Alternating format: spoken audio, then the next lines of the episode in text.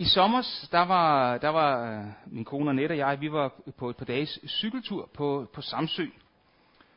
Og, øh, og udover øh, masser af frisk luft og ømme baller, øh, så fik vi også set en hel del. Vi var blandt andet forbi øh, Onsbjerg Kirke, som er en af kirkerne på, på Samsø, og gik ind og så den. Og øh, gik også en tur rundt på kirkegården. Jeg synes faktisk altid, det er interessant at gå rundt på en kirkegård og, øh, og se lidt på de forskellige gravsten og tænke lidt over de mennesker, som ligger begravet, og hvordan deres liv må have været. Og nogle gange så står der noget på gravstenene, som fortæller lidt om deres liv, at det var en gårdejer, eller det var en, en, en biskop, eller hvad det nu har været. Det var der godt nogen på i Onsbjerg. Og andre steder står der bare ingenting. Øh, lidt interessant, hvad folk vælger at skrive. Men der står ofte, hvor, hvor gamle eller unge folk har været, da de døde. Men fælles for alle på kirkegården, det er, at de er døde.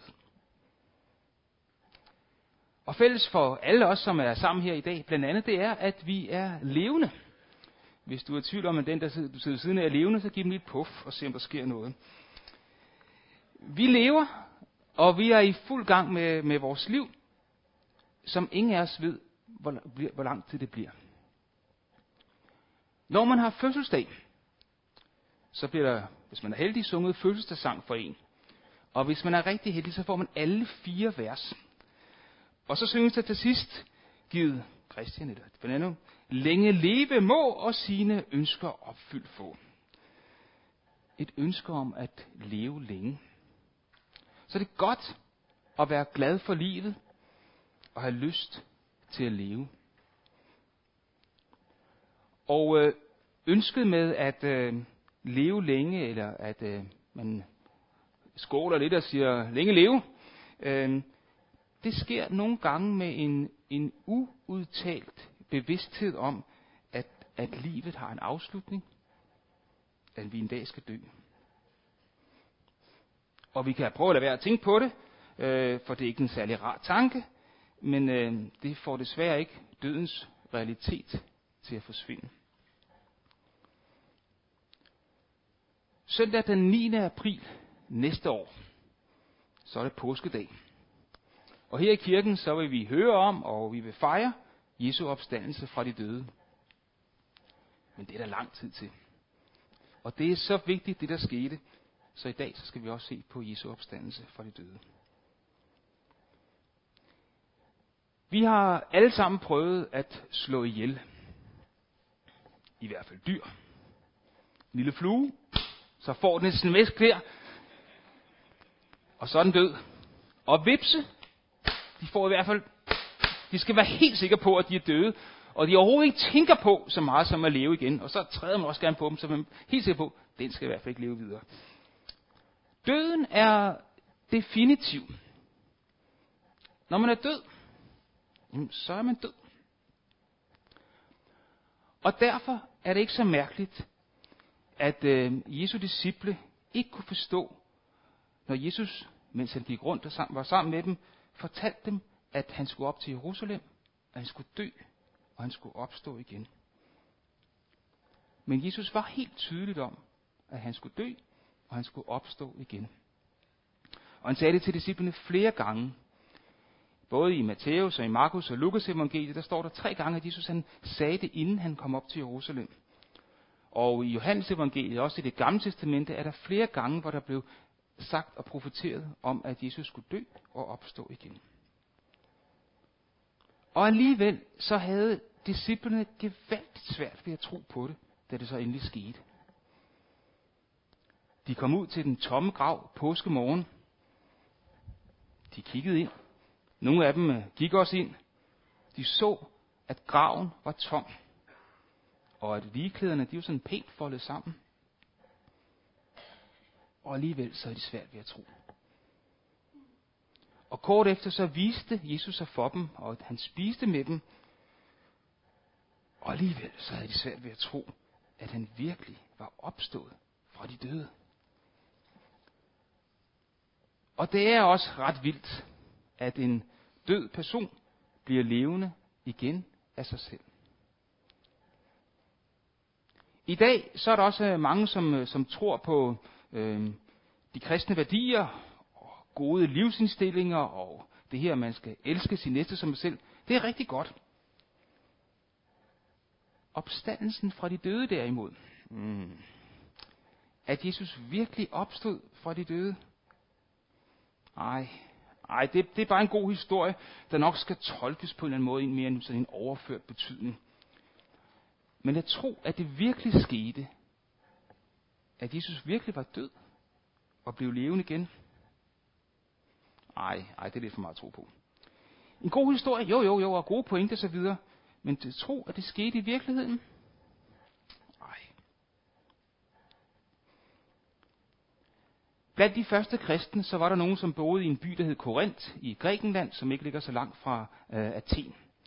Øh, og mange af de kristne der, de kom fra en, fra en hedensk eller en ikke-jødisk baggrund. Øh, og der var mange store og kendte tænkere og digtere i Grækenland. Og på den, måde, på den tid, sådan den måde, at øh, idéer blev videreført på og kommunikeret, det var ikke især gennem skuespil og teater. Omkring 500 år før Kristus, der levede der en kendt øh, græsk digter, Æskeles. Og i et af hans tragediedigte, så siger guden Apollo sådan her. Efter støvet har opslugt en død, død mands blod, er der ingen opstandelse. Når man er død, så er man død. Og Paulus han var kommet til Korinth og havde forkyndt evangeliet om Jesu og Jesus og hans opstandelse, og mange var kommet til tro. Men, men de gamle tankemønstre var svære at bryde. Og, og derfor var der nogle af de kristne i Korinth, som, øh, som ikke troede på opstandelsen. I hvert fald ikke sådan direkte. Måske sådan i en overført betydning, eller noget, der sker inden i os, eller, eller måske er det bare sådan en åndelig oplevelse. Men den fysiske opstandelse, den troede de ikke på. Og derfor så skrev Paulus til menigheden i Korinth, og det skal vi læse i 1. Korintherbrev kapitel 15, hvor der står sådan her. Og han siger, Paulus, når I nu har fået at vide, at Kristus opstod fra de døde, hvordan kan nogen af jer så påstå, at det slet ikke er muligt at genopstå? Hvis det ikke er muligt, så kan Kristus jo heller ikke være genopstået. Hvis det ikke er muligt at genopstå, hvis det hele er slut og forbi, når vi dør, hvis det er sådan, det hænger sammen, at der ikke er nogen opstandelse, at det er umuligt for døde at opstå, så er Kristus heller ikke opstået for de døde. Og så giver Paulus fire konsekvenser, hvis der ikke er nogen opstandelse. Hvis han, altså Jesus, ikke er genopstået, så er vores forkyndelse tom snak, og jeres tro til ingen nytte. Så for det første, altså hvis Jesus ikke er opstået fra de døde, fordi der ikke er nogen opstandelse, så var Paulus' forkyndelse tom snak, uden indhold, og de her første kristne havde ingen gavn af deres tro. Og det samme tilfælde her i kirken. Hvis der ikke er nogen opstandelse fra de døde, så er al vores snak og pæne ord og gode intentioner og hyggeligt fællesskab, det er bare en, en tom skal, uden egentlig indhold. Og vores tro er til ingen nytte. Så siger Paulus for det andet, i så fald har vi afgivet falsk vidnesbyrd om Gud, for vi har sagt, at han oprejste Kristus fra de døde. Men det kan han altså ikke have gjort, hvis det ikke er muligt at opstå fra de døde. Altså, hvis døde ikke kan genopstå, så er Kristus heller ikke genopstået. Så hvis Kristus ikke er opstået fra de døde, hvis det ikke er muligt for døde at opstå, så er vi blevet løjet til om Gud. Hvis Jesus ikke er opstået fra de døde, og der ikke er nogen opstandelse, så har kirken i 2000 år løjet om, hvem Gud er. Og millioner af mennesker er hoppet i med begge ben. Vi er simpelthen blevet snydt. For det tredje siger Paulus, i så fald er jeres tro værdiløs, og I har ikke fået tilgivelse for jeres synder. Hvis Jesus ikke er opstået fra vores døde, fra de døde, så er vores tro ikke en pind værd. Og vi har ikke fået tilgivelse for vores synd. Hvis Jesus ikke døde og opstod igen, hvis der ikke er det her, hvis der ikke er nogen opstandelse, så står vi selv med skylden for alle de forkerte ting, vi har gjort. Med al vores synd over for en hellig, almægtig Gud. Der er ingen, som taler vores sag. Ingen, som betaler vores skyld. Ingen, som bærer vores synd. Og ingen, som borttager vores skam. Vi er åndeligt set helt på spanden. Og videre siger Paulus, desuden er alle de, som er sovet ind i troen på Kristus, gået fortabt. Så hvis Jesus ikke er opstået, hvis der ikke er nogen opstandelse, så er alle, der troede på Jesus og døde med en tro på ham, de er gået fortabt. Der er ingen frelse hverken for dem eller os. De kan ikke reddes, og vi kan ikke reddes. Og så slutter Paulus øh, afsnit af med at sige, og vi, som har satset vores største forventninger i dette liv på Kristus, er de yngværdigste mennesker af alle. Så Paulus slutter af med at sige, at hvis der ikke er nogen opstandelse fra de døde, hvis Jesus ikke er opstået fra de døde, så er vi, os der har troet og sat vores håb til Jesus, så er vi de yngværdigste mennesker af alle. Vi er simpelthen de mest elendige, de sølleste, de ynkeligste af alle mennesker. Hvis Jesus ikke er opstået fra de døde, hvis der ikke er nogen opstandelse fra de døde, så er der intet formål med kirken. Vores sange bliver lidt tralala. Fællesskabet er meningsløst. Og troen er en tom skal, uden indhold og værdi. Det eneste, der er at gøre, det er at lukke og slukke.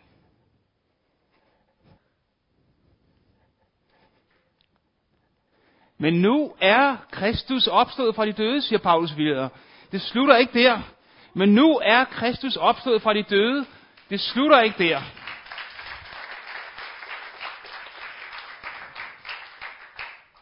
Og det er et af de absolut bedste mænd i Bibelen, det her. Men nu er Kristus opstået fra de døde. Og Paulus han kunne med fuldstændig sikkerhed sige og skrive til kirken i Korinth, at Jesus var opstået fra de døde. Jesus havde åbenbaret sig for Paulus, og han havde mødt mange, som med egne øjne havde set Jesus, efter han var stået op. Der var ikke nogen tvivl. Jesus var opstået. Jesus besejrede døden. Jesus vandt over graven. Og Paulus han fortsætter, og der er et par ting, som er godt at lægge mærke til. Han skriver om Jesus.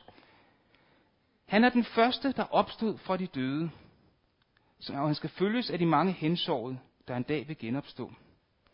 Døden kom ind i verden på grund af et menneske, nemlig Adam. Ligeledes blev opstandelsen fra de døde en realitet på grund af et menneske, nemlig Kristus. Jesus er den første, der opstod fra de døde, og en dag vil der være rigtig mange andre, som også genopstår. Døden kom ind i verden, fordi at Adam syndede. Og siden den dag, så har døden haft magt. Opstandelsen fra de døde er en realitet, fordi Jesus vandt over døden og besejrede ondskab, død og djævel. Og videre siger Paulus, ligesom alle, der er Adams slægt, skal dø, sådan skal alle, der hører Kristus til, oprejses til nyt liv. Vi er alle sammen af Adams slægt. Vi er mennesker og skal dø. Men alle, der hører Kristus til, skal oprejses, skal opstå til et nyt liv. Og det er et kæmpe løfte, at vi en dag også skal opstå, fordi vi tror på Jesus og tilhøre ham.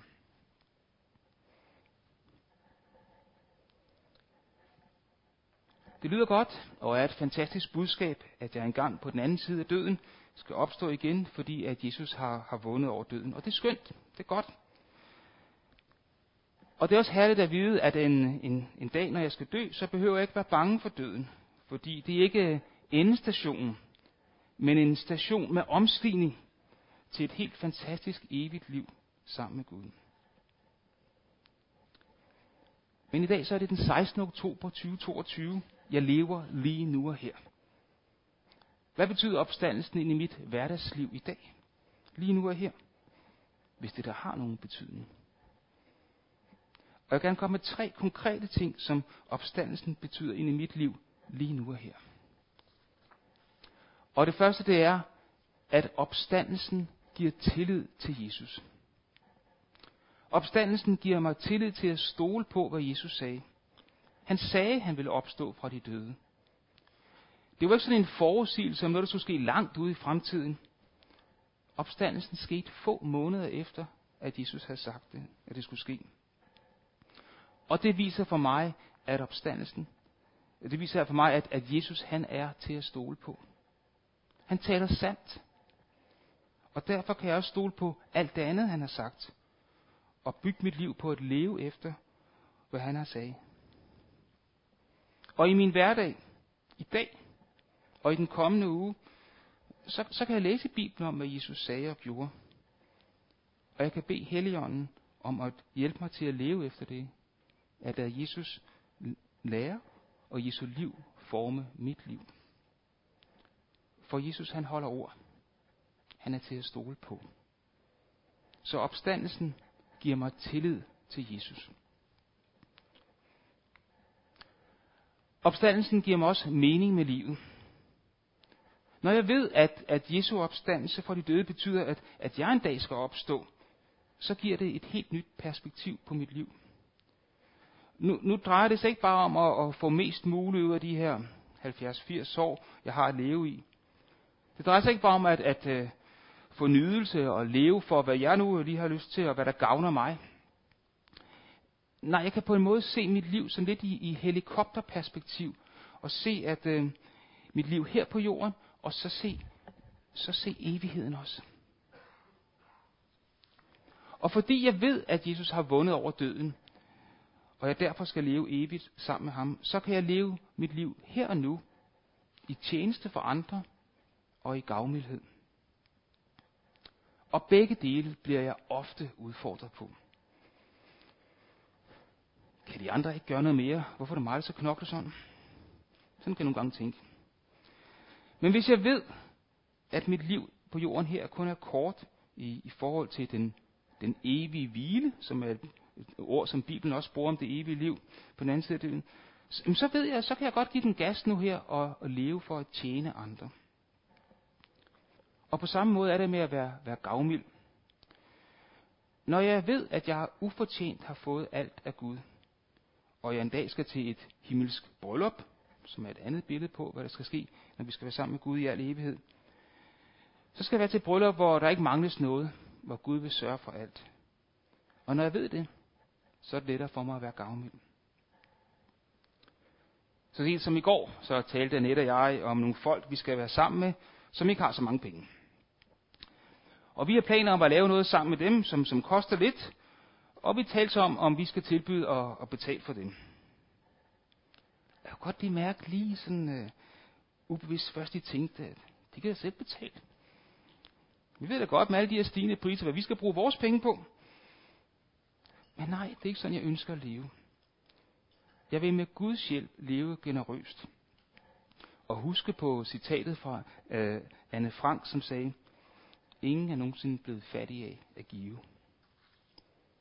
Så opstandelsen, Jesu opstandelse fra de døde, han sejrer over døden, hvorved jeg kan få opstandelsen, det giver mit liv mening og retning. Et liv i tjeneste for andre med et gavmildt hjerte. Opstandelsen giver mig også håb. Opstandelsen giver mig håb om et evigt liv, at døden ikke er endestationen. Det betyder, at jeg ikke skal være bange for døden, for jeg ved, hvad der venter mig. Jeg ved godt, at for nogen så er den sidste tid svær, præget af sygdom og smerter, og, og det kan jeg godt være bekymret for, men, men selve døden behøver jeg ikke frygte. Hvis du er over 25 år gammel, så har du generelt set toppet fysisk. Derfor så går det kun én vej, og det er ned ad bakke, sorry to say. Selvom vi kan kæmpe imod, og også bør passe på vores kroppe, så, så går det ned ad bakke. Og jo ældre vi bliver, jo tydeligere bliver det, hvis vi altså tør se det i øjnene. Ellers kan vi bare se os selv i spejlet. Men døden er ikke enden. Jo, vores fysiske kroppe forgår, men vi skal opstå med nye kroppe, nye lemer. Håbet om opstandelsen, at døden ikke har det sidste ord, at døden ikke har det sidste ord, skulle have sagt, baseret på, at Jesus vandt over døden, og har lovet, at enhver, som tror på ham, skal have evigt liv. Det giver håb. Jesus siger i øh, Johannes evangelie kapitel 11, vers 25, jeg er opstandelsen og livet.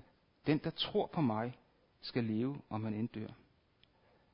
Og det sagde han, inden han døde og opstod igen. Jesus er både opstandelsen, og han er livet. Og det liv, som Jesus taler om, det kan og vil døden ikke vinde over. For Jesus har besejret døden, da han opstod igen. Og det er et kæmpe løfte, at den, som tror på Jesus, skal leve, om han end dør. Så Jesu opstandelse baner vej for vores opstandelse. Vi, vi tror på et tomt kors. Vi tror på en tom grav. Jesus han er opstanden. Og selvom der er lang tid til påske, så vil jeg gerne opfordre til i dag, og i ugen, der ligger foran os, brug tid på at takke Jesus, at han vandt over døden, og at han opstod igen. Brug tid på at tilbe ham, ære ham, syng til ham, og sig ham tak for alt, hvad han har gjort. Sig ham tak for hans opstandelse, som betyder, at vi, der tror på Jesus, en dag skal opstå til evigt liv sammen med Gud. Jesus han siger, jeg er opstandelsen og livet. Den, der tror på mig, skal leve, om man inddør. Lad os bede sammen.